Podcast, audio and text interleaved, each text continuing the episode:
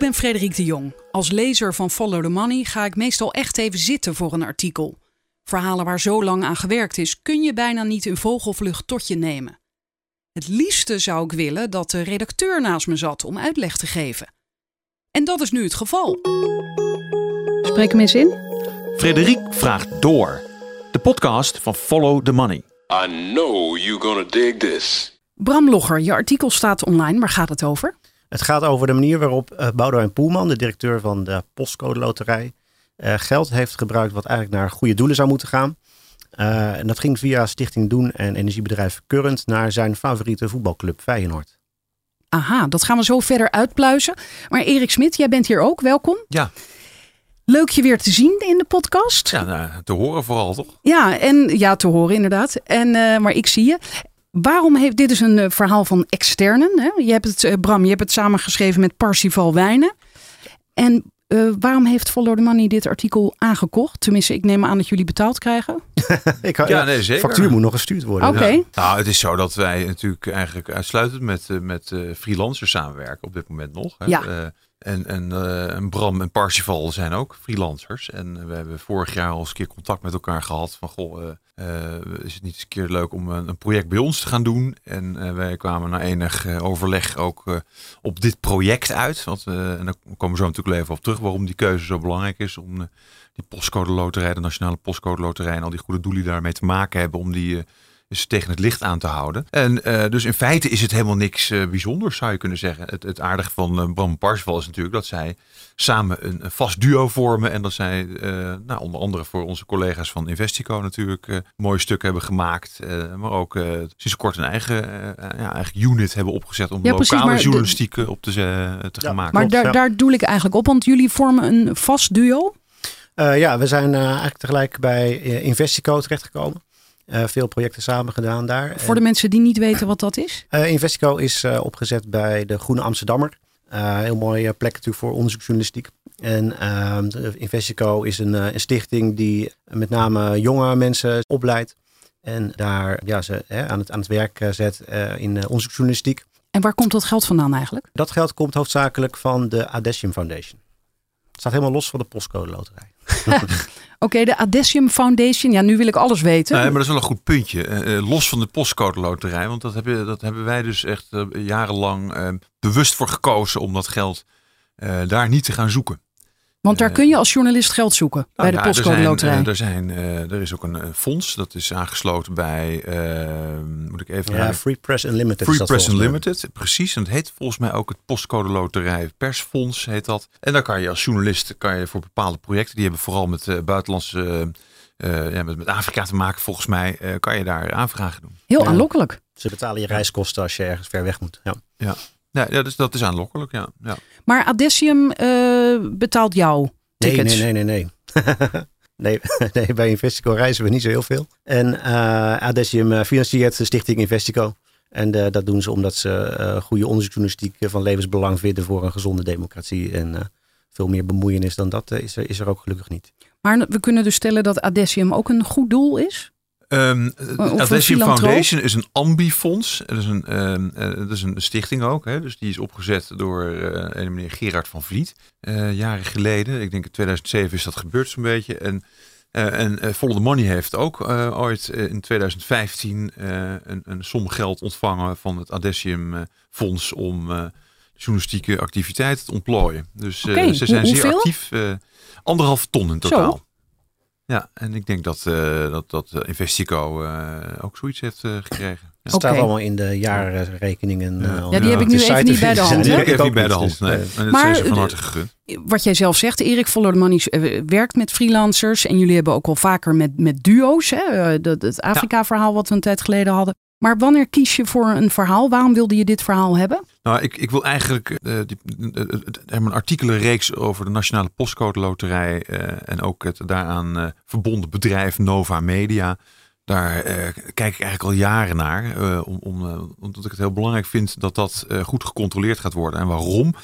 Ehm, wat, wat Bram en Parsifal ook in hun artikel hebben beschreven. Het is een een, een goede doelenfonds wat de laatste jaren eh, enorm is gegroeid. Eh, de omzet in de drie, eh, 2004 was 300 miljoen en thans zit het op een miljard. En de helft daarvan gaat naar goede doelen toe. Dus je moet je voorstellen dat er 500 miljoen per jaar eh, eh, ja, richting eh, allerlei bijzondere stichtingen wordt gestuurd. eh, vanuit eh, de Nationale Postcode Loterij en de verbonden goede doelen. Dat is een enorme invloed vertegenwoordigt dat. Het is, het, eh, het is ook het op, eh, op twee dagen grootste geeffonds ter wereld. Hè? Na Ja. de Bill Gates Foundation en eh, een, een Britse welfare trust.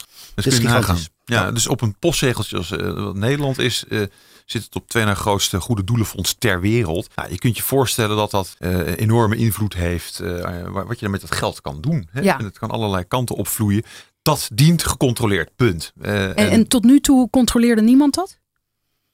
Eh, er zijn eh, best wel aardige stukken verschenen hoor. In ehm, NRC heeft wel eens een groot verhaal gedaan over eh, wie verdient er nou wat aan die postcode loterij. Quote is heel actief geweest in dit dossier. Maar het kan grondiger volgens ons. Oké, en dat heb jij dus gedaan samen met Parsifal Wijnen. Ik ga het nu lezen, dan kom ik zo bij jullie terug. De titel is Loterijbaas Poelman dirigeerde goede doelengeld naar zijn Feyenoord. Boudewijn Poelman is niet alleen de hoogste baas van de postcode loterij, hij is ook groot fan van Feyenoord en indirect mede-eigenaar van de voetbalclub. In 2017 zette hij Current onder druk om een sponsordeal te sluiten met Feyenoord. Current is een dochterbedrijf van de stichting Doen, die haar geld krijgt van de postcode loterij. In totaal vloeit er zo'n 20 miljoen euro goede doelengeld naar Feyenoord. Poelman regelde deze sponsordeal tegen de zin van het management van de groene energieleverancier. Dit soort bemoeienissen is volgens de kansspelwetgeving strikt verboden. Ik stap op. Hier gaan jullie spijt van krijgen. En van de pot gerukt. Dat schreven mensen op 7 april 2017 op het forum van de Current Community. Klanten zijn woest over het besluit van hun groene energieleverancier om vier jaar lang hoofdsponsor te worden van voetbalclub Feyenoord. Eerder die dag kondigde Current de sponsordeal aan met een filmpje waarin een voetballer onder aanzwellende synthesizers een Feyenoord-shirt met het Current-logo over zijn gespierde bovenlijf trekt. De klanten vinden het niks. Zij zijn lid geworden van Current, de door Stichting Doen opgerichte coöperatieve energieleverancier, vanwege de duurzame doelstellingen. Voetbal past daar totaal niet bij. Auto's, vliegreizen, het algehele consumptiegedrag van de over het paard getilde jonge lui die zich beroepsvoetballers noemen, strookt op geen enkele wijze met het gedachtegoed van een duurzame energieleverancier, zo schrijft Jan Meijers. En ene Middelhof reageert: Als jullie zo graag sponsorgeld over de balk willen smijten, dan zijn er ook nog duizenden amateurverenigingen die het geld veel zinniger kunnen besteden. Bah! Merkwaardig is die sponsordeal inderdaad, al prefereert de stichting Doen de term baanbrekend. En daar kan ik op doorklikken. Daar staat een reactie van de stichting Doen. De sponsoring van Feyenoord is baanbrekend, want we brengen duurzame energie naar de Kuip en naar de fans van Feyenoord. En juist deze mensen zouden Current anders nooit bereiken. En zij willen toch ook energie besparen en opwekken? Ja, Dat is inderdaad eh, zoals zij het eh, verkopen inderdaad, ja. Maar wat moet een kleine, verliesleidende Amsterdamse supergroene energiemaatschappij op het shirt van een Rotterdamse volksclub? Sinds de oprichting in 2011 draait Current louter verliezen. Uit de jaarverslagen blijkt dat er in totaal 43,3 miljoen euro van de eigenaar, de stichting Doen, nodig was om de groene energieleverancier overeind te houden. Een groot deel daarvan ging op aan voetbalsponsoring, waar een pittig prijskaartje aan hangt. In de media circuleren al snel bedragen van tussen de 4 en 6,5 miljoen euro per jaar. Wie betaalt dat als Current geen geld heeft? Niet alleen bij de klanten van Current is er onbegrip, ook intern is er weerstand. Jarenlang probeerden we met weinig middelen zoveel mogelijk mensen te bereiken, zegt een oud werknemer van Current die anoniem wil blijven. Maar plots ging alle energie in de Feyenoord-deal zitten. We moesten dingen doen die helemaal niet pasten bij ons groene imago. Zoals een helikopter met Current-logo laten vliegen tijdens de open dag van Feyenoord. En een andere bron binnen Current zegt: met de Feyenoord-sponsoring gooiden we in één klap alles weg waar het merk Current voor stond. Hoe ben jij bij die eh, anonieme oud-werknemers gekomen? Nou ja, eentje heeft zich gemeld bij eh, Erik, kan ik wel wel zeggen. Eh, Zo'n soort klokkenluider. Met- Voordat jullie begonnen, of, of jij had dus die klokkenluider al in je portefeuille, Erik? Ja, nou ja, in mijn portefeuille. Dus, dat gebeurt. Dus er zijn natuurlijk mensen die zich melden. En of het netwerk van mij wat, eh, wat contact komt met mensen. En eh, nou, omdat wij dit dossier begonnen, heb ik eh, dat met, met eh, Bram en met, met Parsifal gedeeld. Die bron. Ja. Dat was de eerste. En toen volgde er meer, zomaar? Uh, nou, niet zomaar uiteraard. Nee, dat was nog een flinke klus. Daar is echt best wel veel tijd in gaan zitten. Uh, we zijn via LinkedIn uh, gewoon gaan zoeken op nou, oud-werknemers van, van Current. Je kunt daar best makkelijk in zoeken op voormalige werkgevers van mensen bijvoorbeeld. een hele lijst gaan samenstellen van nou, waar, waar vind je dan mensen die in een, helemaal onderin het bedrijf bij, bij het callcenter of zo heeft het niet zo heel veel zin natuurlijk om te proberen. Want die mensen weten ook niet alles wat er in de top van het bedrijf speelt. Um, dus je maakt een lijst met mensen. Nou ja, die ga je eens benaderen. Je stuurt je uh, appjes, of een mailtje of uh, een keertje proberen te bellen. Uiteraard de oud-directeuren geprobeerd te bellen. ze hielden het allemaal behoorlijk af, moet ik zeggen. Het was een onderwerp waarvan je meteen, zodra je iemand aan de telefoon kreeg, het gevoel kreeg van, oh ja, hier zit wel iets. mensen zeggen dan van, nou ja, oh ja, ja, ja, um, ja. Ha, um, ja, dat weet ik niet of ik hier iets over kan zeggen. Dat is moeilijk, moeilijk. Dus ja, dat duurde vrij lang om dat uh, rond te krijgen. En uiteindelijk hebben we via een omweg alsnog iemand gevonden die daar ook gewoon uh, eigenlijk het hele verhaal van die klokkenluider die wij al spraken gewoon bevestigde. Uh, dat was iemand die wij zelf eerder ook al hadden benaderd. Toen gaf hij niet thuis, nam niet op, belde niet terug naar voicemail. dus die hadden we al van het lijstje gestreept. Later alsnog een keer in contact gekomen en toen, ja, die, die bevestigde eigenlijk gewoon het hele verhaal wel. Dus daarmee konden we het ook, ja, het verhaal van de eerste klokkenluider onderbouwen. En, en daarna nou, vonden we nog wel wat aanvullend bewijs. Uh, dus uh, dat, uh, dat kwam op die manier wel rond. In de officiële reactie claimt Current dat sponsoring zorgt voor naamsbekendheid, zodat meer mensen groene energie zullen afnemen. Samen maken we groen groot, is de gedachte. Op de site van Current zegt toenmalig directeur Richard Klatte: We willen de enorme achterban van Feyenoord bewust maken dat groene stroom toegankelijk is voor iedereen. Experts vinden die argumenten flauwekul. De energiemarkt is een vechtmarkt, legt sportmarketingdeskundige Ziggy Tabachnik uit. Ik denk dat je het zo uitspreekt, maar ik weet het ook niet zeker. Oké. Overstappers kiezen simpelweg de goedkoopste.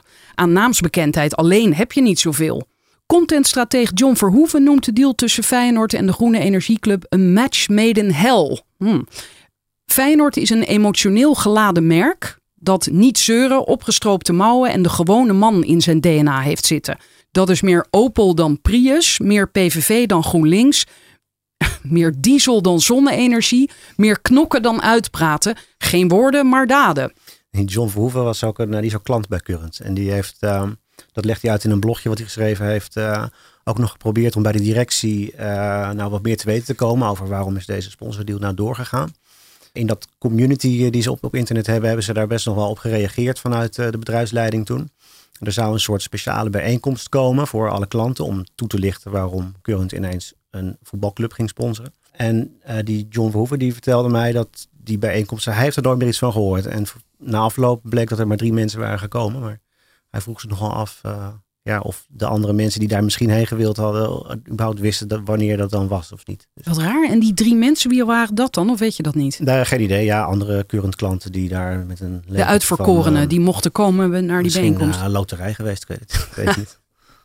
ja, ik kwam er trouwens ook achter door dit artikel dat ik uh, kennelijk klant ben, ja, indirect van Current. Want Green Choice heeft Current gekocht. Ja, klopt. Ja. En ik zit heel, ja. dacht ik, met mijn moderne aflaat bij Green Choice. En, en, dan heb ik dit nu aan mijn fiets hangen. Moet, moet ik daar nu weg? Nee, dat is helemaal geen beleid van Green Choice geweest. Uh, Green Choice die wil ook helemaal niet meer op dat Feyenoord shirt staan. Die uh, hebben meteen gezegd van die sponsordeal, daar gaan wij in ieder geval niks mee doen.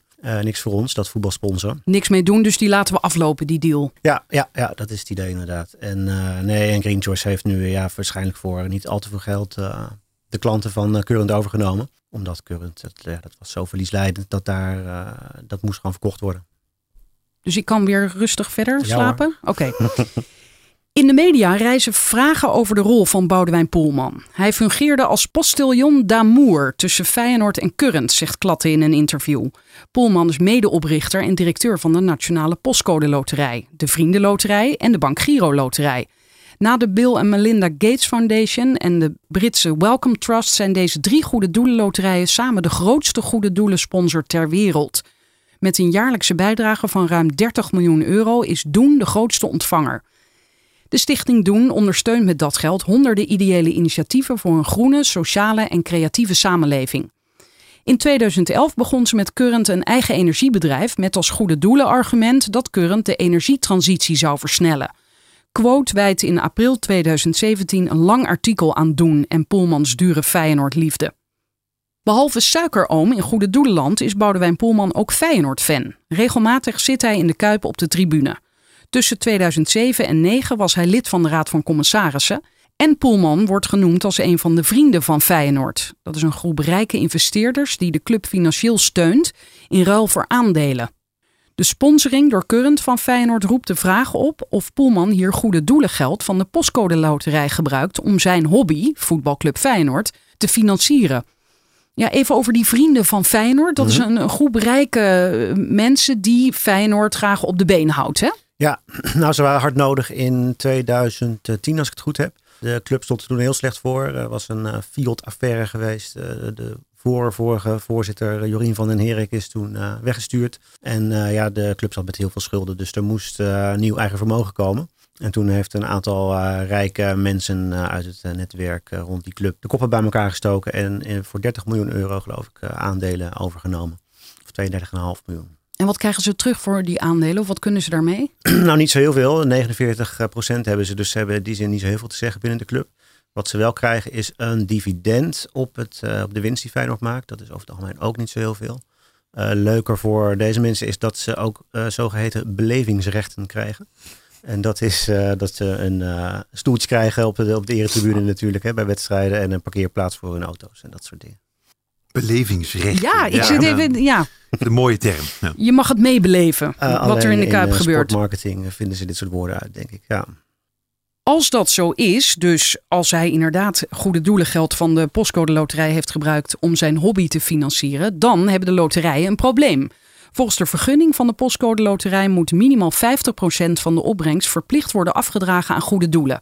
Die afdracht moet vrij van last zijn. Er mag geen tegenprestatie worden gevraagd. Ook eist de wet dat de vergunninghouder zijn betrouwbaarheid waarborgt. Een loterijbedrijf moet toezien op het tegengaan van belangenverstrengeling. Als Poelman een dochterbedrijf van de stichting Doen gebruikt om geld te steken in zijn persoonlijke liefhebberij, voetbalclub Feyenoord, kan dat de loterijbedrijven volgens de kansspelwetgeving in het uiterste geval hun vergunning kosten. Want wie heeft ooit bedacht dat 50% van de opbrengst van de postcode loterij in goede doelen moet worden gestoken? Uh, ja, dat is, uh, dat is wetgeving geweest. Dus de overheid uh, heeft dat geëist toen dit, deze loterij ontstond. Want we kenden dit fenomeen daarvoor helemaal niet, hè? De, de... Nee, nee, volgens mij niet. Het is een, nieuw idee geweest in 1989, die postcode loterij. en het is ja, het idee natuurlijk hè, van kans spelen, gokken. Dat is altijd aan regelgeving onderhevig. En de overheid heeft toen op een gegeven moment gezegd van nou, deze loterij, dat, dat, dat kan. Maar onder de voorwaarde dat we dan ook het de maatschappij daar wat mee vooruit gaat. En niet alleen de loterijorganisatoren en de winnaars. Dus vandaar de eis, 50% moet minimaal uh, in, uh, in goede doelen. En hoe zou zo'n getal nou zijn bedacht? 50%? Bedoel, je kan ook zeggen 40, 60, het 70? Wordt, het wordt 40 waarschijnlijk. Oh, het wordt 40? Ja? ja, ja, oh, ja dat is, wie heeft daarvoor gepleit dan? nou ja, wie denk je? nee, dat is voor die loterijen natuurlijk fijn, want dan blijft er meer over. Ja, voor, dat zij daarvoor pleiten. Maar welke partij of welke meerderheid nou, heeft hiervoor gezorgd? De, de, de hele kansspelwetgeving staat een beetje op de helling. er, is sprake van dat er nieuwe toetreders ook op de markt komen. Uh, dus dan komen er uh, andere goede doelen loterijen bij. Uh, internet gokken wordt natuurlijk ook meer gereguleerd. en daar wordt ook meer mogelijk. En ik denk dat in, in, die, in dat onderhandelingsspel zal misschien op een gegeven moment gezegd zijn van nou dan moeten wij ook meer kunnen meedoen in die markt. Die als straks meer open wordt. en dan hebben wij dat geld hard nodig om, om te concurreren. Te concurreren, precies. Ja, is dat een legitiem argument, denk je, Erik? Nou, kijk, ik vind, uh, is het legitiem überhaupt om, om, om, om zo uitgebreid uh, gokspelbedrijven de gelegenheid te geven om dat uh, eigenlijk, om die, om, die, activiteit uit te voeren? Ik vind, het is natuurlijk volstrekt zinloos eigenlijk, hè, gokken. als je het puur economisch nuttig bekijkt. Hè? En, en ja. ik ben een econoom, dus ik, zo, ik kijk daar zo naar. En, en, en, en is ook de allocatie van middelen, hè? de toewijzing van de middelen op het moment dat die vrijkomen, hè? dat die 50% aan goede doelen, dat is ja, extreem inefficiënt. Ik bedoel, als jij nou echt een goed doel wil steunen, stort je 10 euro direct op dat goede doel. Dan komt 100% bij dat goede doel terecht. Krijg je nog belastingkorting ook. Uh, ja, en dan krijg je precies, dan krijg je nog de belastingkorting erbij. Uh, ex extreem veel efficiënter. Dus, uh, en, en dit is een, een hele, ja, eigenlijk rare manier om op die manier ja, goede doelen te steunen. Dat kan, dat kan de samenleving veel beter organiseren, veel slimmer organiseren. Ja, en als je dan toch gokspellen opzet ja, dat, uh, of toelaat, dat is op zich niet zo gek uh, dat je dat doet. Dan is, zou ik zeggen dat, dat het vooral inderdaad zoveel mogelijk onder staatstoezicht moet komen te staan. wat het ooit ook was, maar dat wordt dus steeds meer vrijgegeven. Ja, ik, ik, ik, ik, ben, ik ben geen expert op het gebied, maar ik weet niet of die ontwikkeling nou heel gunstig is. Ik waag dat te betwijfelen. Sowieso een belasting op domheid eigenlijk natuurlijk. Hè? Een soort vrij, vrijwillige belasting. Hè? Zou je kunnen zeggen van je hoeft het niet uh, te betalen. Maar uh, het is toch... Wacht even, ja, eerst even belasting op domheid. Leg uit. Nou, het is een, uh, of een belasting op angst zou je het ook kunnen formuleren. Dus die postcode heeft natuurlijk een, eigenlijk een prachtige unieke, uh, unique selling point, namelijk op uh, dat is die postcode. Dus dat betekent dus dat de hele straat of de hele buurt uh, dat geld kan winnen. En de fear of missing out wordt hier natuurlijk maximaal geëxploiteerd. Ja, maar we hebben toch aan de ene kant gewoon over een legitimiteit wordt eraan toegevoegd natuurlijk doordat, ja goed, weet je, je, je, als je dat als je niks wint, dan gaat het in ieder geval nog naar een goed doel. Maar het begon ooit, tenminste zo klinkt het voor mij, als een heel slim plan. Nee, ja. dat is het zo, en toen heeft de, de, wetgever gezegd, ja, alles leuk en aardig, maar de helft moet dan wel naar goede doelen. Dus nu lijken die mensen ook al heel lang eh, vrij nobel. Van jongens, wij geven de helft. Hè? Welk bedrijf doet nee, dat? Dat is ze verplicht door de overheid. Nee, ja, dat weet ik. Maar dat, dat, ja. Wat is daar nobel aan? Het is Nee, maar dit bespreken wij nu. Dus nu hoor ik het ook weer opnieuw. Denk, oh ja, zo zit het. Maar als je dat allemaal, daar ben je niet dagelijks mee bezig.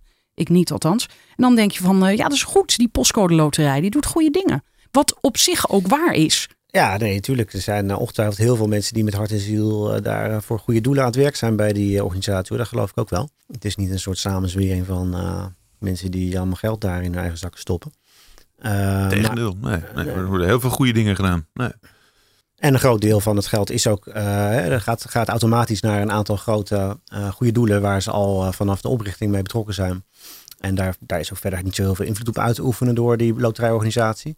Maar het gaat over zulke gigantische uh, rivieren van geld eigenlijk. Hè? 500 miljoen per jaar wat daar aan goede doelen wordt gesluist. Er, er, blijft altijd een substantieel deel over waar wel invloed op wordt uitgeoefend. Waarvan je je gewoon moet afvragen. Is dit de manier waarop je dit uh, besteden Moeten wij van dit geld willen? Dat vind ik altijd een leuke, ja. leuke formulering. Moeten wij dit willen? Dit dat vragen we ons af. Ja, men ook.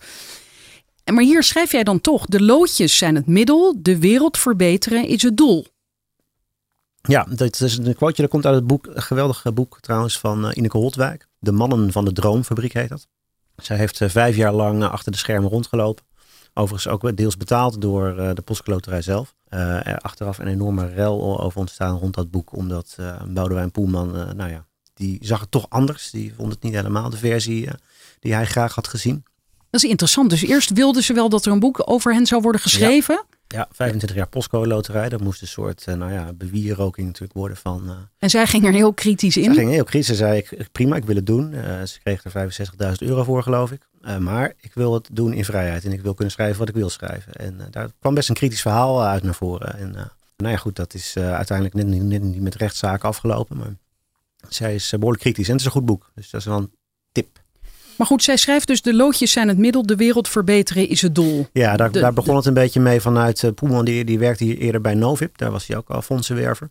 Uh, en op een gegeven moment had hij uh, met wat andere meer commerciële mensen een ideetje van, nou ja, dat kan, dat kan makkelijker.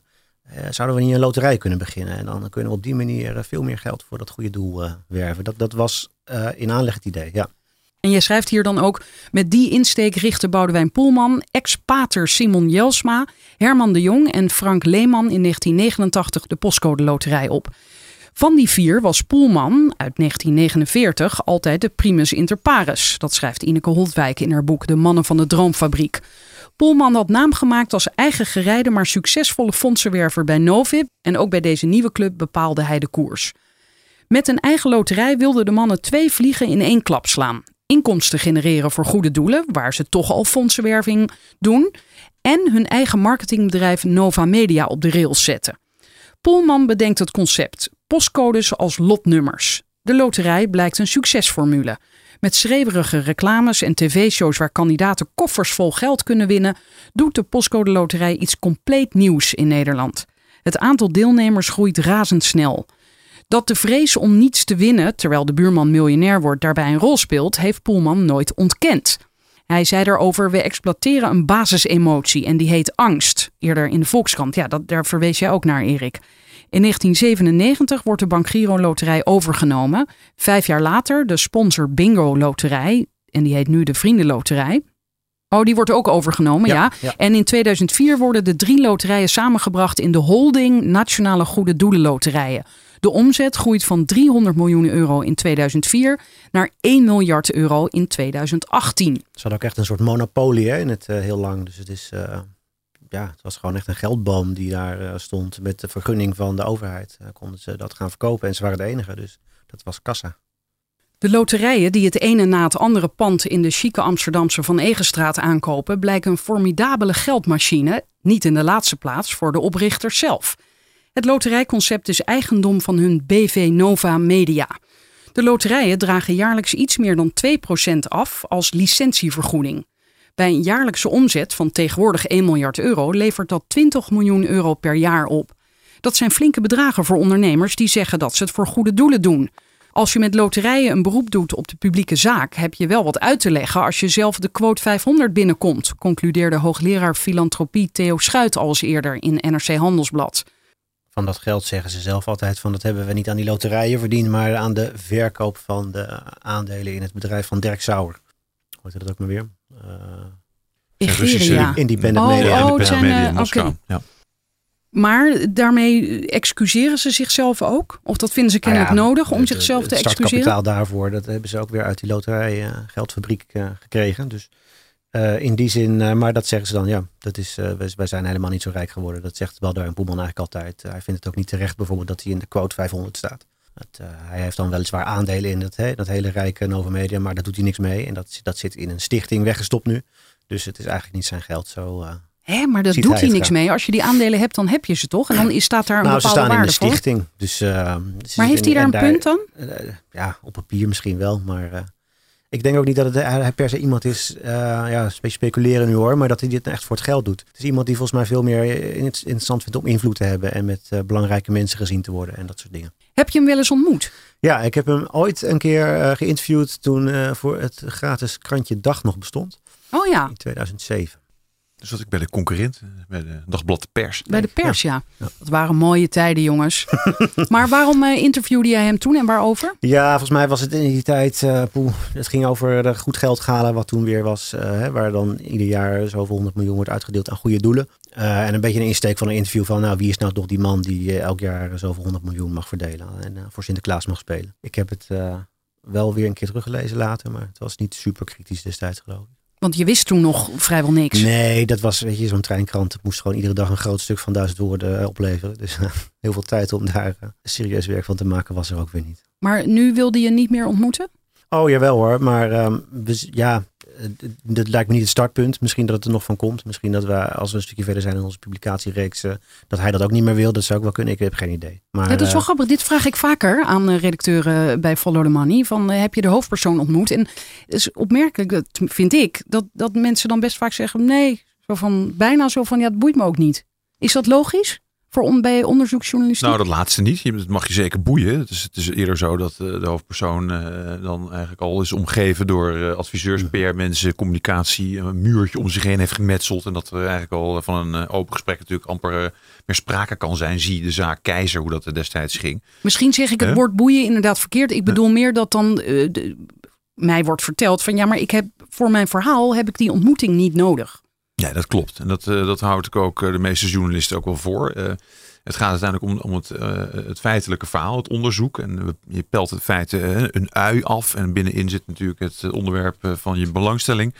En je, je cirkelt er als het ware omheen. En voor je verhaal is het absoluut niet noodzakelijk ook om de per- persoon in kwestie te spreken. Je wilt natuurlijk wel hoor en wederhoor plegen. Correcte wijze en uitgebreid. Dat hebben jullie ook gedaan. Eh, maar dat, dat wil niet zeggen dat er dan een, een interview uit voortkomt. Eh, ja, dat, dat is natuurlijk hartstikke leuk. Eh, kom maar aan tafel zitten, meneer Poelman. Maar en dan moet je niet al die communicatiemannen meenemen. Dan moet het ook een, een head-on gesprek worden. Nou, je kunt je voorstellen dat de meeste mensen die aandacht van Follow the Money krijgen, niet op dat soort interviews zitten te wachten.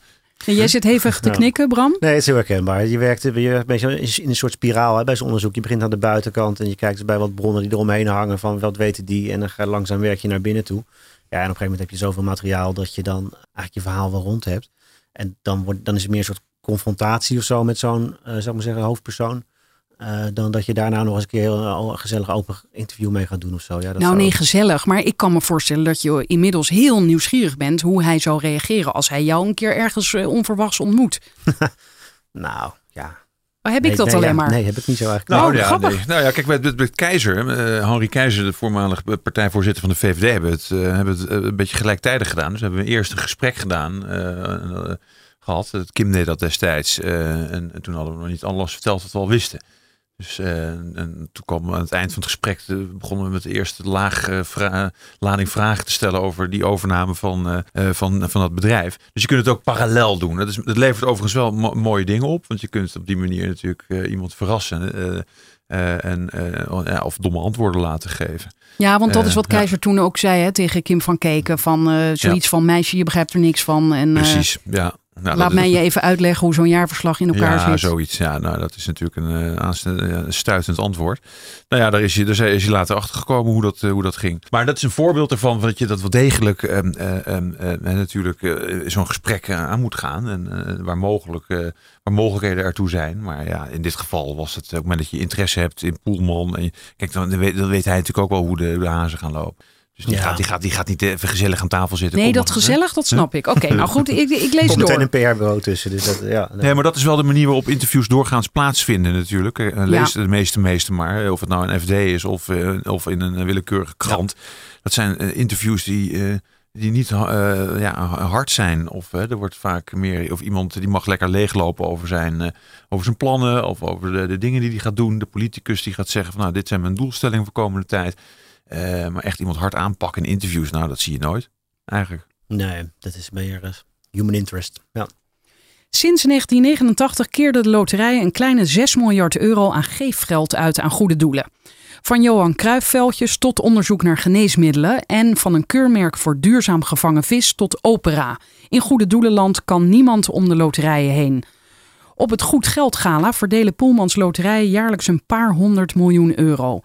Daardoor is Poelman een van de machtigste mannen in goede doelenland.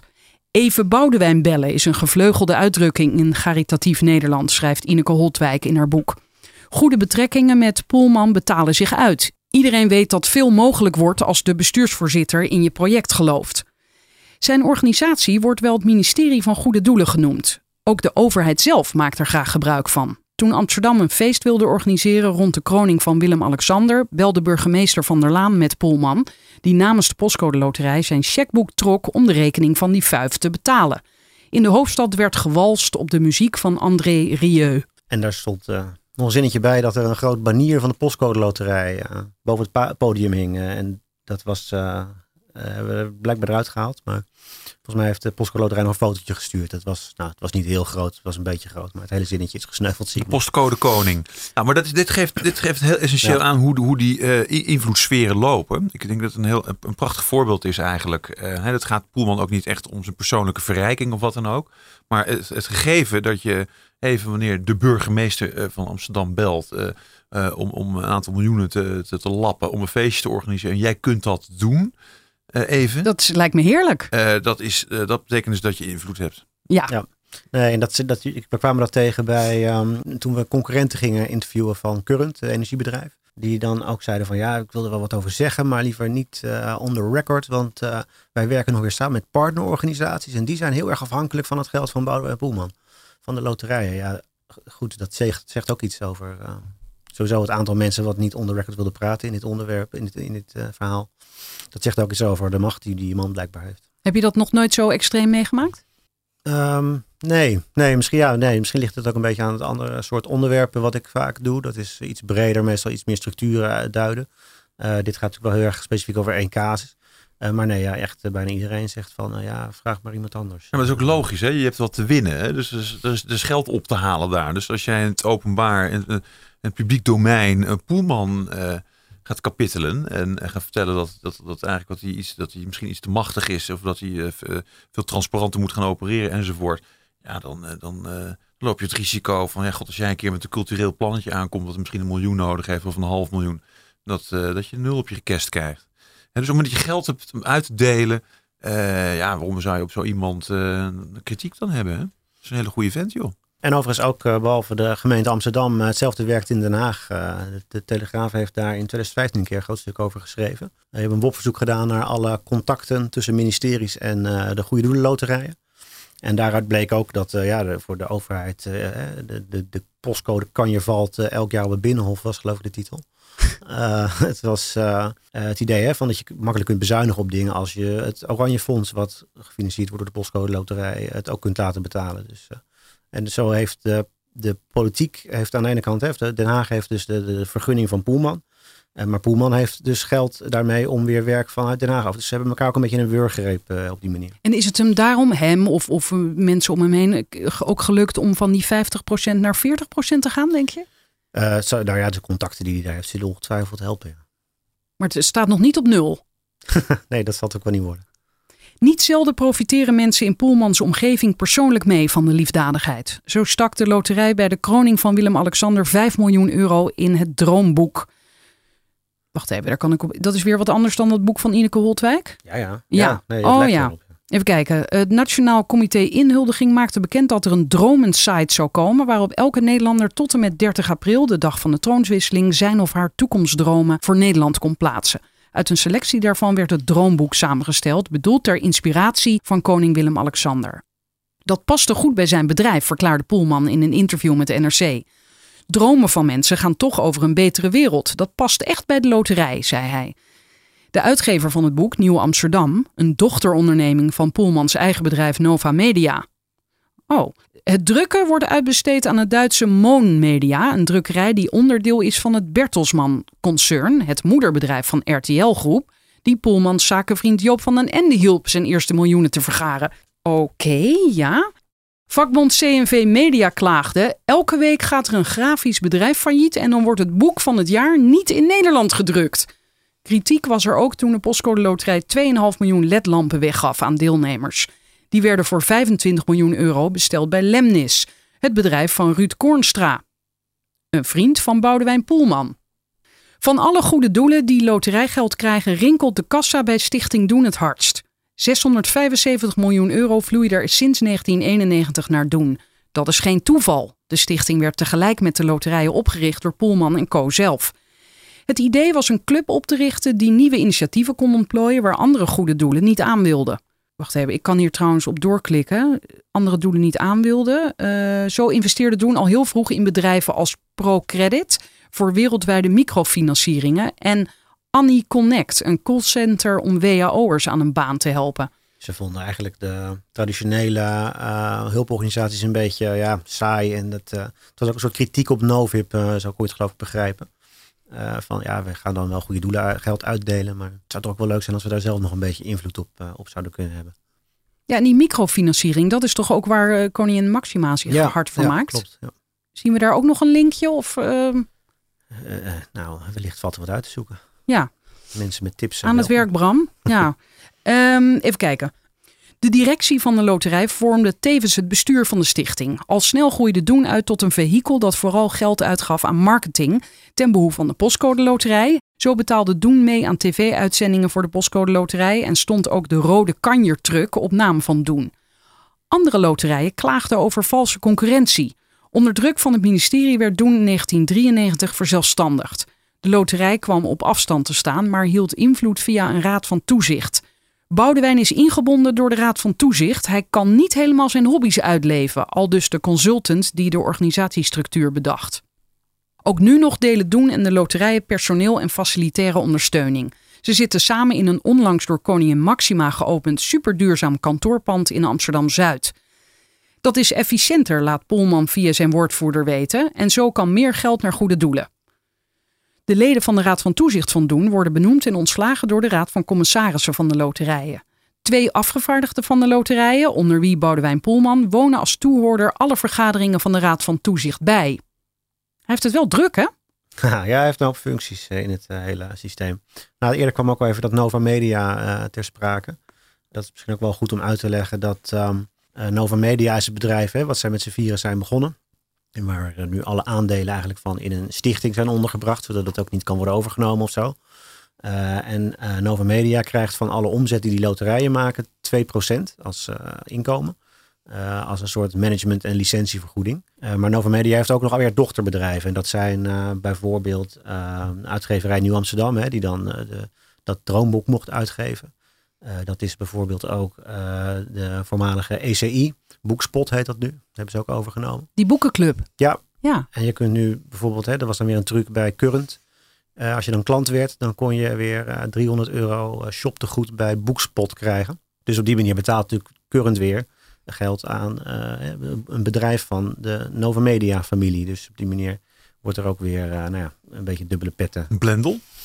Is dat van... Uh, is, is dat niet via... Ehm, weet ik niet. Dat weet ik nou ook niet meer. Nu jij als jij niet zeker weet, dan, dan, dan ga ik ook twijfelen. Maar... Ja, nee, wel uh, Scheltema volgens mij, voor boekhandel. Ja. En ze hebben nog wat. Nova Media investeert in journalistieke start-up Blendel. Oh, ja. Aha. Dus van mei 2018, jongens. Dus uh, ja.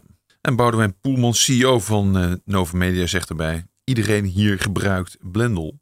En uh, dat wisten we niet eens van elkaar. Totdat we met Alexander Klupping in contact kwamen. Nou, enzovoort. Nou, het geeft aan dus hoe, hoe dat, dat, dat zij. hoe wijdverbreid ze zijn eigenlijk. Ja, nou, dat ze heel veel invloed hebben. De kansspelautoriteit had al eens bedenkingen bij de governance-structuur van de stichting doen en stelde in 2014 een onderzoek in. Dat werd uitgevoerd door juristen van Allen Overy. In het onderzoek komt een conflict naar voren dat in 2004 speelde. Het bestuur van Doen stemde een project weg waarvan de betrokkenen relaties waren van Poelman. Kort daarna zou Poelman het hele bestuur hebben laten vervangen. De postcode loterij betwist het voorval en de onderzoekers wuiven het incident weg als iets dat lang geleden heeft plaatsgevonden. Allen Overy concludeert uiteindelijk dat alles wettelijk in de haak is. Wel zien ze dat de innige verwevenheid tussen Doen en de postcode loterij een risico van belangenverstrengeling met zich meebrengt. Allen Overy beveelt aan de statuten te wijzigen om problemen met dubbele petten te voorkomen. Doen neemt die aanbevelingen over. Leden van de Raad van Commissarissen mogen geen familie meer zijn van de directie van Doen en mogen niet werkzaam zijn bij een van de loterijen. Maar aan de rol van Poelman bij Doen verandert niets. Poelman woont als toehoorder namens de loterijen nog steeds alle vergaderingen van de Raad van Toezicht bij. In die hoedanigheid heeft hij geen stem in de besluitvorming, laat doen weten. Oké, dus hij zit erbij, maar mag niet stemmen. Ja, ja het is uh, wel een mooi voorbeeld van hoe het, uh, denk ik, de, de, de, hele bedrijfsstructuur en de hele governance op papier klopt het allemaal wel. Dat is vrij goed doorgedacht. Maar ja, het probleem blijft gewoon dat, dat stichting doen. Hè, dat is echt met afstand het allergrootste fonds wat geld krijgt van die loterijen.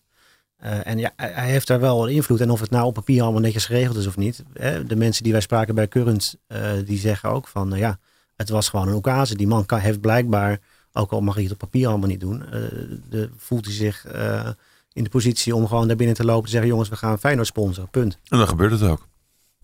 In 2007 krijgt de ondernemer Igor Kluin een reusachtige cheque in zijn handen geduwd door Sir Richard Branson. Hij ontvangt 500.000 euro als winnaar van de Green Challenge, een wedstrijd voor ondernemers met duurzame ideeën.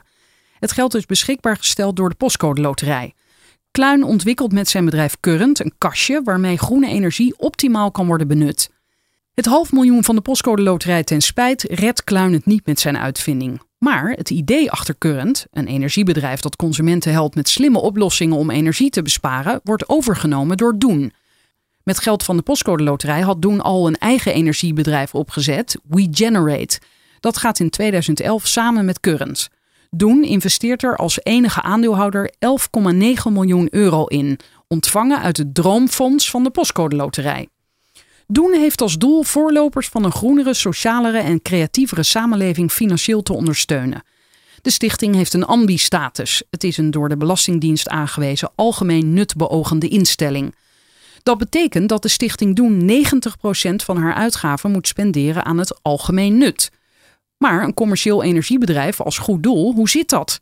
Stichting Doen heeft tot doel de transitie naar duurzame energie te versnellen door vernieuwende en gedurfde initiatieven met financiële ondersteuning een vliegende start te geven, reageert een woordvoerster.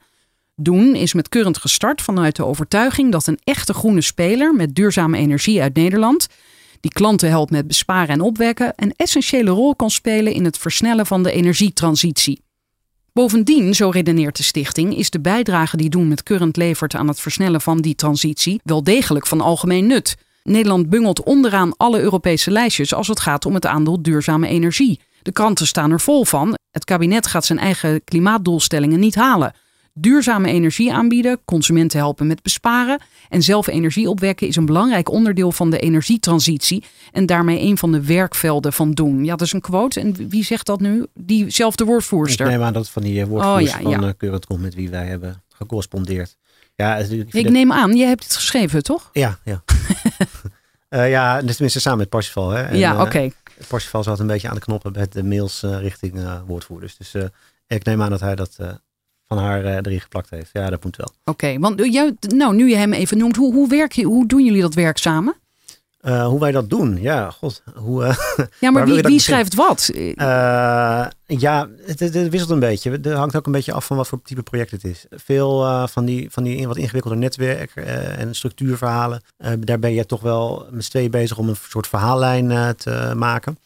Eh, en dan vult ieder daar af en toe een blokje in. En dan ga je daar met z'n tweeën voortdurend doorheen. En op een gegeven moment staat, er, staat er een stuk. Eh, bij dit soort teksten die eigenlijk... Ja, de, de kern van dit verhaal is eigenlijk heel simpel. Eh, er is eh, beïnvloeding geweest en daar bouw je voor de rest een verhaal omheen. Eh, dan is het makkelijker als één iemand daar wat meer eh, schrijftijd in stopt. Dus dat heb ik nu gedaan. Eh, dus dat, dat wisselt een beetje. Current levert groene energie tegen inkoopprijs en dekt de kosten door het vastrecht iets te verhogen. De energieleverancier verdient niet aan energieverbruik, wat een prikkel zou moeten geven aan verduurzaming. In de praktijk blijkt dat een lastige boodschap. De energiesector is een vechtmarkt waar keihard geconcurreerd wordt. Consumenten die overstappen naar een nieuwe leverancier kiezen vooral voor de goedkoopste. Nieuwe klanten moeten gelokt worden met hoge kortingen. Consumenten die niet minimaal een paar jaar klant blijven, kosten meer geld om binnen te hengelen dan ze opleveren.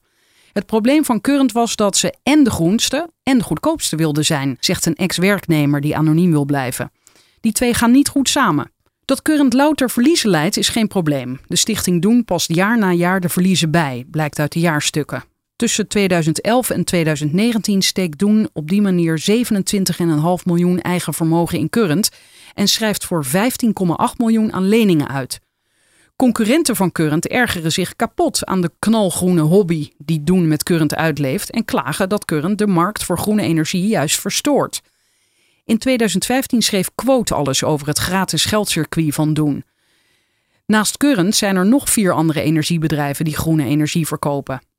Ja, wij hadden last van Current, zegt een bestuurder van een van Current's groene concurrenten, die anoniem wil blijven vanwege de partnerships die het bedrijf heeft met organisaties die op hun beurt weer afhankelijk zijn van de postcode loterij. Ja, die noemde jij net, Bram. Current deed niets anders dan andere energiebedrijven.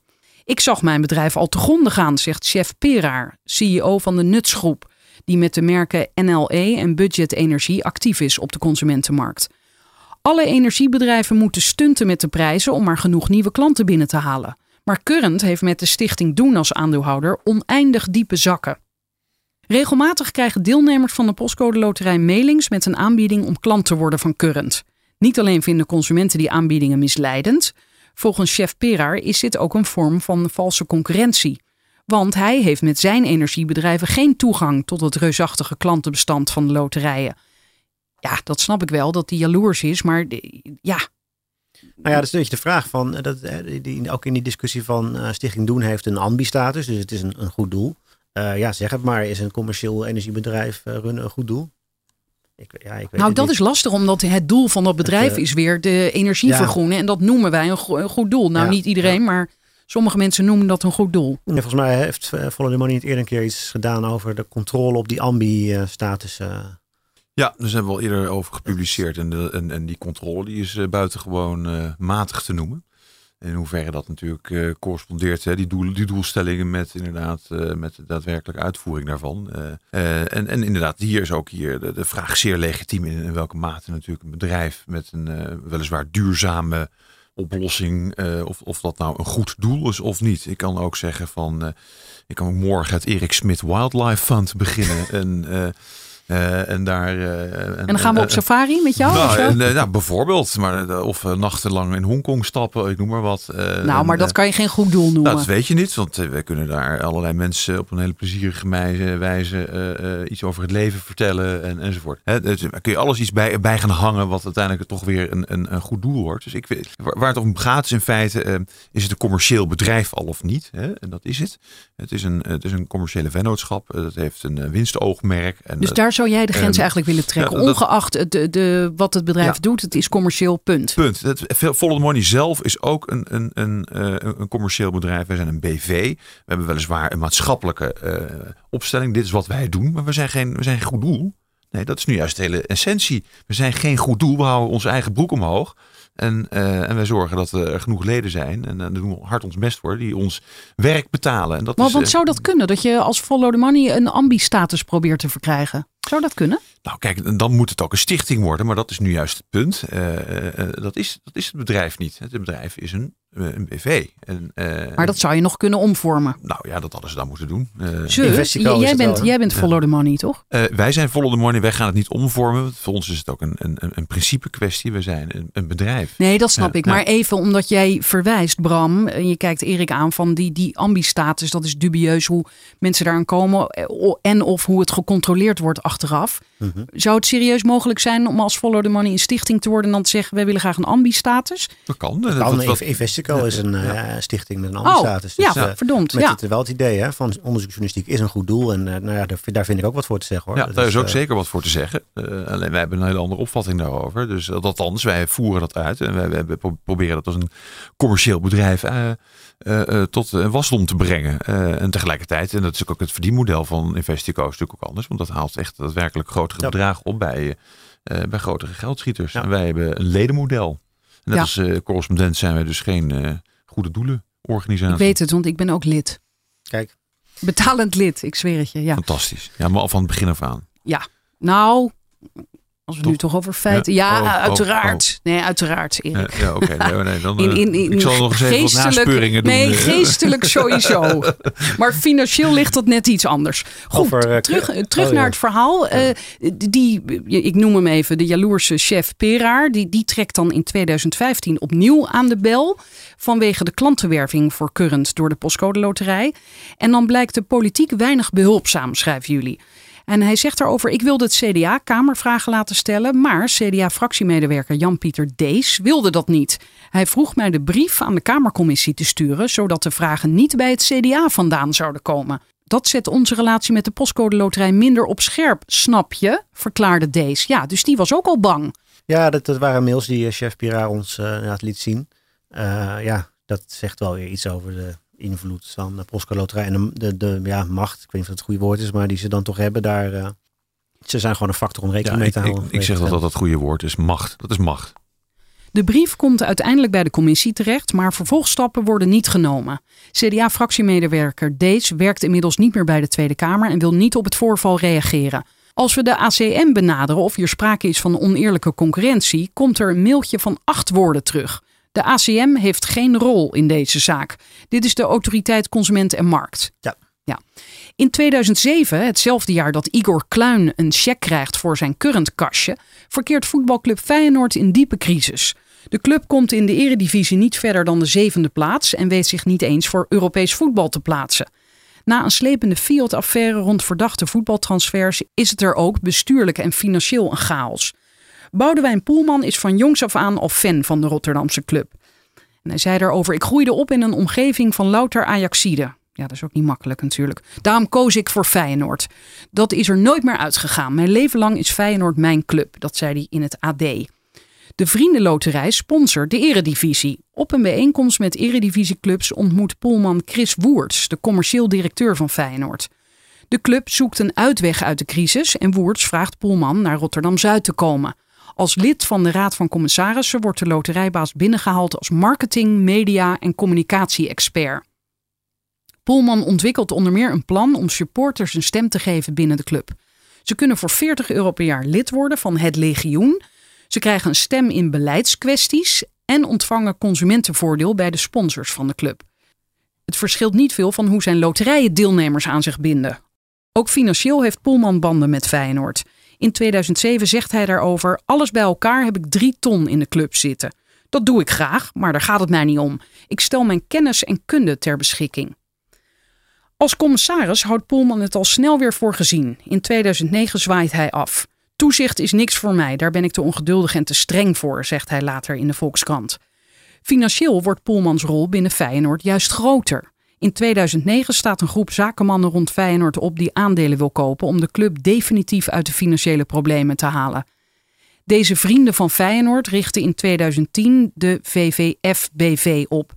Ze kopen tussen 2010 en 2012 voor 32,5 miljoen euro 49% van de aandelen in de club. En daarvoor krijgen ze jaarlijks 4% dividend, plus oh ja, die belevingsrechten bestaande uit business seats en een parkeerplaats.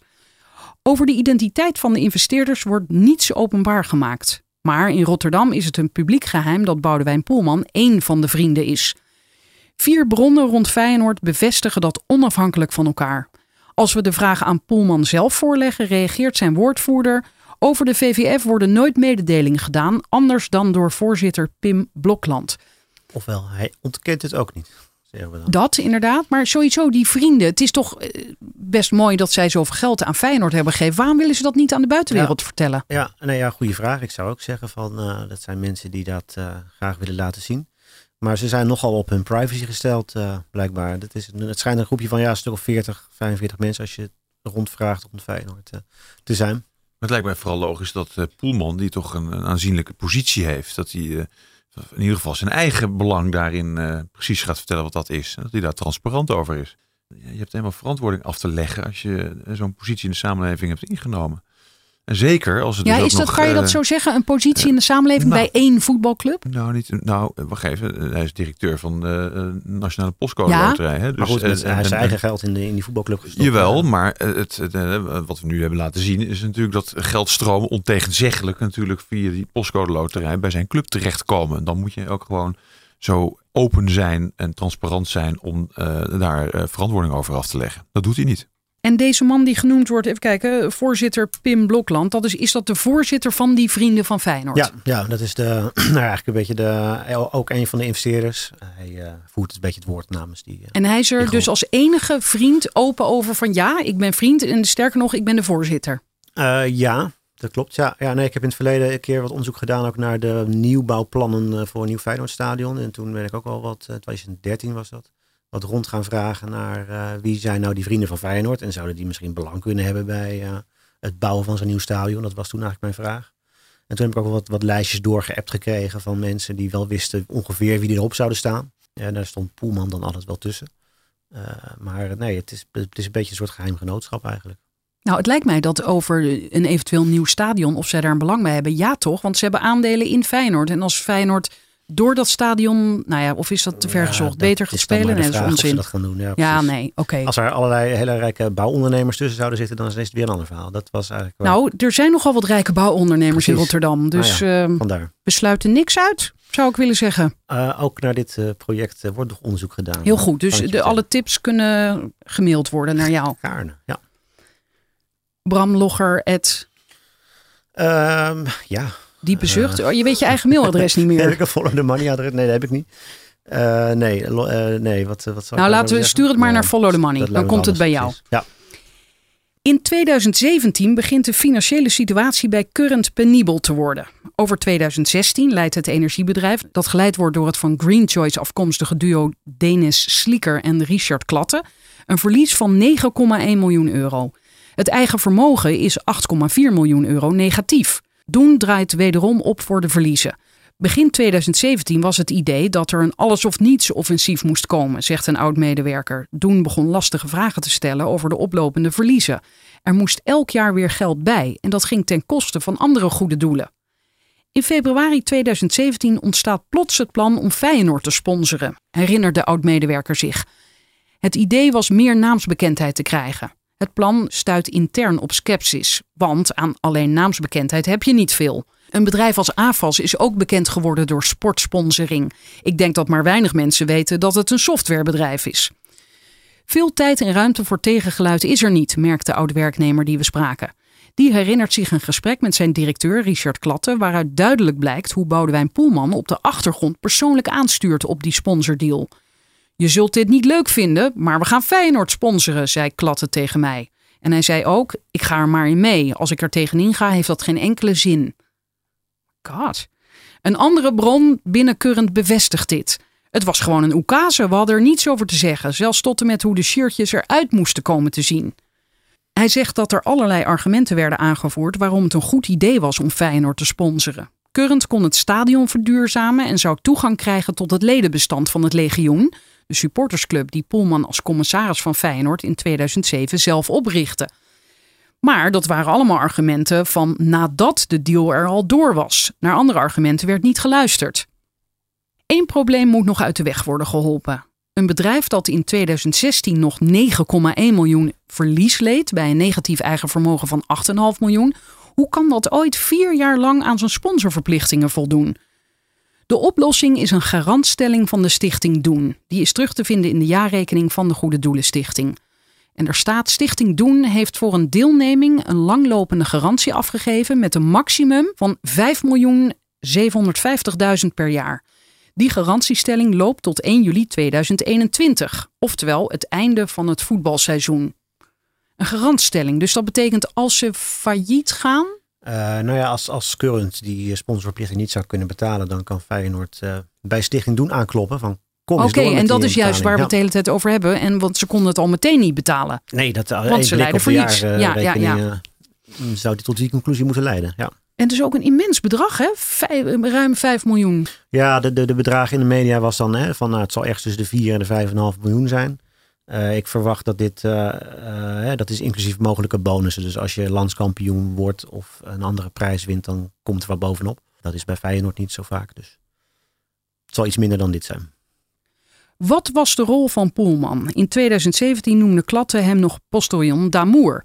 Afgaand op onze gesprekken met oude medewerkers blijkt die sponsordeal al eerder een door Poelman gearrangeerd huwelijk. Hij drukte die deal er doorheen.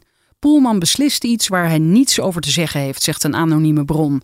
Het managementteam was tegen, maar het is toch doorgedrukt.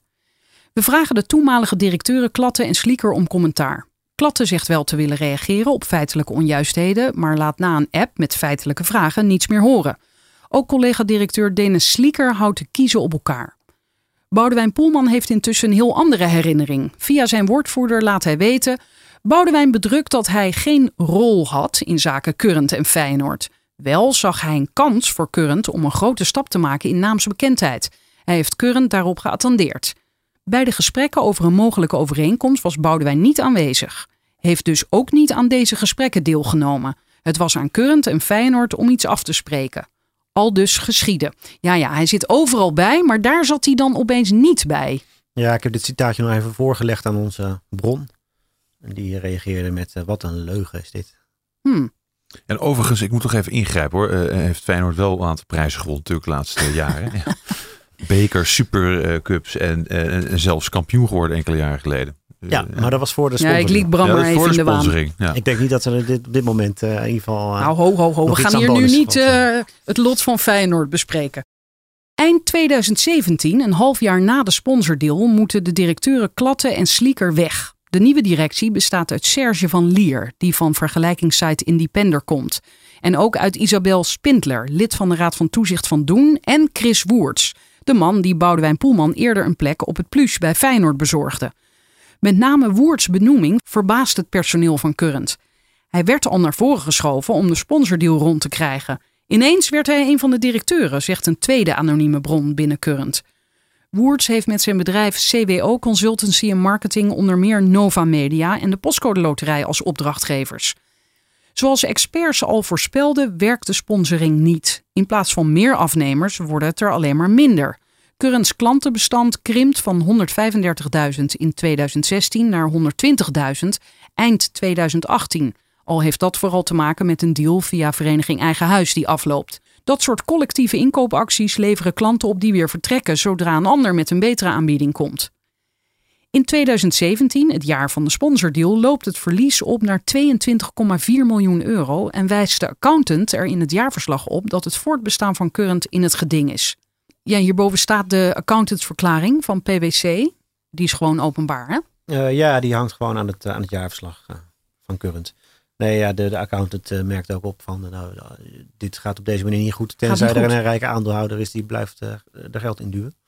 Nou, dat is toevallig. Hé, hey, ja. Nou ja, daarmee is het dus dat feitelijk, hoewel het een commercieel bedrijf is, dus inderdaad een goed doel. Want het heeft natuurlijk eigenlijk amper iets met, uh, met een rationele bedrijfsvoering te maken of een rationele wijze van investeren in, uh, in een onderneming. Uh, dit is natuurlijk, als je te maken zou hebben met hele kritische aandeelhouders of een, een, een vermogensbeheerfonds, dan denk ik dat dit verhaal natuurlijk al heel vroeg staan in wordt afgestemd. Het is gewoon niet te verantwoorden. Dus, kan, kan je nagaan wat voetbal met een mens kan doen? Ja. Serieus, Ja. want eerder schreef je het is een emotioneel geladen merk. Maar hier komt zoveel emotie bij kijken dat er ook de hele tijd miljoenen bij komen kijken. Eh, dus ja, ja, nou ja, goed. Ja, hè, en ook in het, eh, energiebedrijf moet er steeds geld bij, inderdaad. Eh, en dat, dat is niet, dat wordt inderdaad flink meer. ja, als je 5 miljoen per jaar ook nog extra moet gaan aftikken voor sportsponsoring, dan wordt het een dure hobby.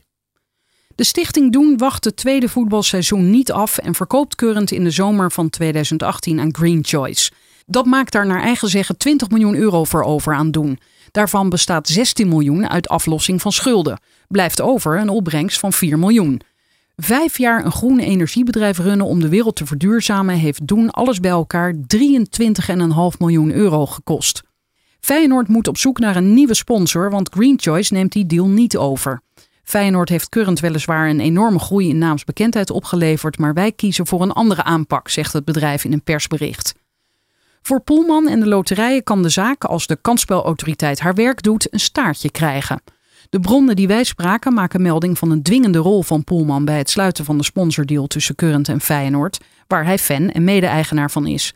Dat druist in tegen artikel 12, lid 4 sub A van de geldende beleidsregels, waarin staat dat een loterijbedrijf in elk geval moet toezien op het tegengaan van belangenverstrengeling. De deal lijkt ook niet in lijn met de vergunningseis dat een afdracht aan een goed doel vrij van last moet zijn, oftewel er mag geen tegenprestatie worden gevraagd. We leggen de kansspelautoriteit voor en zij zeggen daarop wij gaan niet in op individuele gevallen. Maar op basis van berichten in de media kunnen we overgaan tot onderzoek en in het uiterste geval besluiten de vergunning in te trekken. En hier eindigt jouw artikel, jullie artikel. Ehm, ja, hoe, hoe groot is Hoeveel me- mensen werken daar bij die kansspelautoriteit? Oftewel, hoeveel eh, capaciteit hebben ze om dit te Ja. onderzoeken? Dit is niet een heel, een heel groot eh, instituut. Dat, dat, dat weet ik niet precies. Maar, want dit antwoord klinkt een beetje zo van ja, als er iets Ja. fout zit, dan, dan kan Ja. er wel iets gebeuren. Ja, maar Nee, wa- wat, gaan ze nu doen? Ja, ze hebben bewijs nodig. Dus eh, ik ze verwacht dat ze dan zullen gaan vragen van... God, die anonieme bronnen van jullie... zouden wij die ook een keer kunnen gaan spreken? Dat, dat, dat, dat is dan de vraag of ze dat willen natuurlijk. Dat heb jij nog niet aan ze voorgelegd. Van dit zou mogelijk kunnen gaan gebeuren. Eh, nee. nee, ik weet eerlijk gezegd ook niet zeker wat eh kansspelautoriteit dan kan en mag qua ehm, geheimhouding of eh, in hoeverre zij eh, de bronnen die wij Want dat zal wel moeten. Ik bedoel, als ze al willen Ja, praten, moet dat natuurlijk anoniem, lijkt me. Ja, ja, lijkt mij ook. Ja, dat zijn mensen die daar maar ga je, ga je dat nog verder uitzoeken? Ik wil nu al als toehoorder wil ik weten, oké, en nu? Uiteraard, we blijven dit eh, hele dossier volgen. Ook niet alleen de, de- dit onderdeeltje over Feyenoord en Current en Stichting Doen, maar de hele postcode loterij eh, gaan we nog een, een serie artikelen aanwijden. Eh, en uiteraard als er nieuws is over de afloop van dit, deze affaire. Ja, dan- want even vooruitlopend, stel, hè, die, die autoriteit die onderzoekt van alles, vindt bewijs, spreekt met die, die, die bronnen en zegt dan ja, dit, dit, kan, dit, is, eh, dit kan niet en die vergunning wordt ingetrokken. Wa- wa- Wat, betekent dat dan? Ja, ik, verwacht eerlijk gezegd niet dat het zo'n Nee, vooruit zal lopen. ik- Maar wat zij zelf zeggen, ja, de uiterste consequentie is altijd dat de vergunning wordt ingetrokken. Dus dan zou die hele postcode loterij eh, niet meer mogen bestaan? Eh, ja, dat, dat zou dan betekenen, ja. Maar goed, ze hebben in, in, het verleden ook wel eens onderzoek gedaan. Hè, omdat die banden tussen Stichting Doen en de postcode loterij toch iets te nauw waren. Eh, en eh, toen is ook een structuur aangepast en dat, dat soort dingen zijn allemaal al wel geprobeerd. Ja, het is voor de hand liggender dat, dat, dat weer op die tour gekeken wordt van... Goh, moeten we dan niet nog op een andere manier formeel die posities zo verankeren... dat het, die belangenverstrengeling niet meer mogelijk is. Dus bijvoorbeeld even teruggrijpend op het feit dat hij bij die, eh, wat was het, raad van eh, ja, toezicht... hij precies dat, hij dat het nog verder uit elkaar trekt. Dat, er gewoon, dat ze misschien wel in een ander pand moeten gaan zitten. Of dat ze echt eh, geen enkele volledig onafhankelijke raad van, van toezicht krijgen. Ja. Maar goed, al- als dat een consequentie zou kunnen zijn, dan neem ik aan dat Boudewijn Poelman hierom lacht. Ja, ja, geen idee. Het is een beetje de vraag ook wat hij, wat hij zelf gaat doen. Hè. Zijn, zijn medeoprichters eigenlijk, die zijn allemaal al uit het bedrijf teruggetreden. Oh, Eh, waarom is dat? Eh, ja, die zijn uitgekocht op een gegeven moment. eh, dus die waren er wel klaar mee. Eh, deels ook een beetje een ruzieachtige sfeer, begreep ik uit het boek van eh, Ineke Holtwijk. De vraag is ook hoe lang Boudewijn Poelman er zelf mee doorgaat. Hè? Hij, is, hij heeft altijd gezegd van op een gegeven moment stop ik ermee en dan gaan mijn aandelen in die stichting.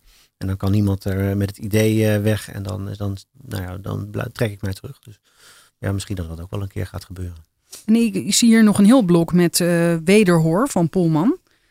Misschien kan je daar even over vertellen. Je hebt dus het artikel hebben jullie Ja, opgestuurd. we hebben gewoon integraal het hele concept eh, naar ze toegestuurd. En dat kwam eh, helemaal rood met alle aantekeningen en op- en aanmerkingen weer terug, zoals dat dan gaat. Dus wij zijn ja, bij opmerking voor opmerking gaan kijken van snijd dit hout. En waar ze een punt hadden, hebben we een paar dingetjes aangepast. Soms hebben we het in zo'n plusje in de tekst erbij gezet van nou, dit is hoe zij het zien. Dat zijn dan dingen die voor meerdere uitleg vatbaar zijn. Herinner je nog een punt waarvan je dacht, ja, misschien hebben ze hier toch eigenlijk wel gelijk. We Ehm, zijn te ver gegaan. Te ver. Nou ja, kijk, het is niet dat je bezig bent met eh, iemand eh, moedwillig eh, te, ver, en, te ver kapot schrijven. Even denken hoor. Ja, wat Nee, er zijn, nou? er zijn ook aanpassingen gemaakt. Ze hebben dus, Ja, eh, zeker, dus ja. eh, Nee, maar dat, dat zegt Bram ook. Maar ik ben benieuwd, weten jullie nog welk element verdwenen is? Of veranderd? dat weet ik zo even. Ja, ik zit, ik zit ook even te zoeken. Jij kijkt nu Dat even op je Ja, laptop hadden, ondertussen. eh, er zijn, nou, maar dat zijn ook elementen die we, eh, eh, daar gaan we het nu niet over hebben. Want er komen nog een paar artikelen aan, die onder andere over een paar van dit soort elementen gaan nog. oh, die Dus, gaan jullie eerst nog verder onderzoeken. ja, Wellicht, eh, ja, wellicht nog meer. Er zijn wat stukjes wel weggevallen, maar ehm, niet, eh, niet, niet ook geen hele wezenlijke dingen hoor. En voor, de, voor, de, voor de volledigheid hebben we gewoon de hele reactie, alles wat we niet al verwerkt hadden, hebben we er nog eronder geplakt. Zodat je de lezer ook kan zien eh, hoe, eh, Ja, er staat van alles onder inderdaad. Maar zij stuurde dus die mail met allemaal rode strepen. Oké, een en ander aangepast. En dan sturen jullie dat weer terug met eh, hartelijk dank. We hebben een en ander aangepast en Ja. we gaan nu publiceren. Ja, ja, Tot ziens. Nou ja, bijvoorbeeld zo'n opmerking hè, van eh, dat eh, die, die 25 miljoen euro voor die ledlampen die dan werden cadeau gegeven aan, de, aan de deelnemers van de postcode loterij. En die lampen die gekocht werden weer bij een zakenrelatie van een bedrijf wat ook al eerder geld had gekregen van Stichting Doen. Eh, daarvan zeggen zij dan van eh, ja, maar ja, het was nou eenmaal de goedkoopste eh, aanbieder. En dankzij die, dat geld voor deze ledlampen is Philips ook weer meer ledlampen. Nou ja, goed. Ja, dat dan ging over dat versie, boek ja. bijvoorbeeld, hè, over het bestellen van het boek in het laten drukken in Duitsland. Hè. Ja, ja. En er kwam uit dat, herinner ik mij van de reactie van Poelman, dat er geen, dat, dat het andere alternatieven die zakelijk niet verantwoorden te, te- waren te verantwoorden. Eh, ja, dat is dan hè, dat is dat argument dat, dat zetten ze dan op dat moment wel in. Maar als het gaat over de financiering van een, eh, eh, een nogal noodlijdend bedrijf eh, als Current, dan gaat dat argument niet op. Eh, dus dat, daar zie je dus de, eh, ja, de willekeur waarmee eh, hier eh, opgetreden wordt. Eh, vandaar dat dit ook een buitengewoon interessant dossier is om te blijven volgen. Want eh, nou, we hebben natuurlijk, eh, natuurlijk wel wetenschap van natuurlijk wel meer dingen die aan de hand zijn. En waar ook eh, Bram en Parsifal mee bezig zijn om dat eh, verder te onderzoeken. En, en, en, en dat is ook echt belangrijk om te doen. En met name wat Bram ook al eerder zei. Het het is ontzettend interessant om te zien hoe, hoezeer mensen hun mond houden. Ja, Eh, en eh, hoezeer eh, de, de luiken zich sluiten zodra eh, eh, het onderwerp de postcode loterij langskomt. Ja, het is wat er gebeurt op het moment dat er gewoon te veel power bij één iemand zit. Hè? Dat is eigenlijk wat je ziet. Eh, en de zonnekoning, die moeten we te vriend houden. ja, precies, dat, dat is het effect. En ehm, wat wel aardig is, de WRR, de Wetenschappelijke Raad voor het Regeringsbeleid, heeft eind vorig jaar een rapport uitgebracht over filantropie. Waarin ze ook aandacht besteden aan de goede doelenloterijen. En zij eh, suggereren eigenlijk van, eh, zou er niet een soort democratisering moeten plaatsvinden van de besteding van dat geld. Dus een soort, eh, ja, een soort eh, raad van, van meekijkers die, die meebeslist namens de spelers bijvoorbeeld van waar gaat dat geld naartoe. Namens de spelers. Ja, namens de deelnemers Oh, van ja, de ja, ja, loterij. oké. precies, ja. Dus, dus een, een, raad van burgers of zo? Nou ja, die- zoiets. Ja, een ja. soort maatschappelijke adviesraad of zoiets. Ja. Eh, Interessant voorstel. ja, dat vond ik ook. Ze vonden het bij de Postcode Loterij een wat minder goed idee, geloof ik. Maar, Ja? Want je hebt het ze gevraagd. Nee, er was een, een symposium twee weken geleden over de nadering van het rapport. En daar waren die partijen allebei aanwezig. Dus, eh, Oké. Ik zie ook eh, heel wat reacties onder het artikel al online. 74. Is, is daar ook nog iets opmerkelijks uitgekomen? Behalve, ik zie hier allerlei eh, complimenten. Veren en dergelijke. Ja, nee, eh, nou, dat heeft al wat een en ander wat opgeleverd. Uh, interessanter nog was eigenlijk de tips die we via de tiplijn binnenkregen. Daar kwamen wel wat, uh, ja, wat goede opmerkingen door. van nou, kijk hier ook eens naar, kijk daar ook eens naar. er zijn meer geldstromen Zoals je nu uh, je hobby zeg maar, kunt financieren met geld van goede doelen. Uh, zo, zo, lopen er wel meer lijntjes met geldstromen van. Uh, nou ja, ik noemde al eventjes dat Boekspot bijvoorbeeld. Dat is iets om nog eens naar te kijken. Boekspot, ja, dat was ooit het, ja, EC, het oude ECI. ECI. Ja, ja, precies. Ja, ja. dat is dan een bedrijf van Nova Media zelf. Waar ook weer via het klantenbestand van de postcode loterij zeg maar, weer prijzen mee te winnen zijn. Dat je daar je geld kunt uitgeven. En zijn die tipgevers dan mensen die daar weer gewerkt hebben of nog, nog werken? Of? Ja, deels, deels. Ja. Oké. Nou, ik merk het al. Jullie kunnen niks meer prijsgeven, maar jullie hebben al heel wat verteld. Dus uh, bedankt. Ja, graag gedaan. Graag gedaan. Wil je weten wanneer een nieuwe aflevering online staat? Schrijf je in voor mijn nieuwsbrief. Die vind je bij ftm.nl/slash Frederiek.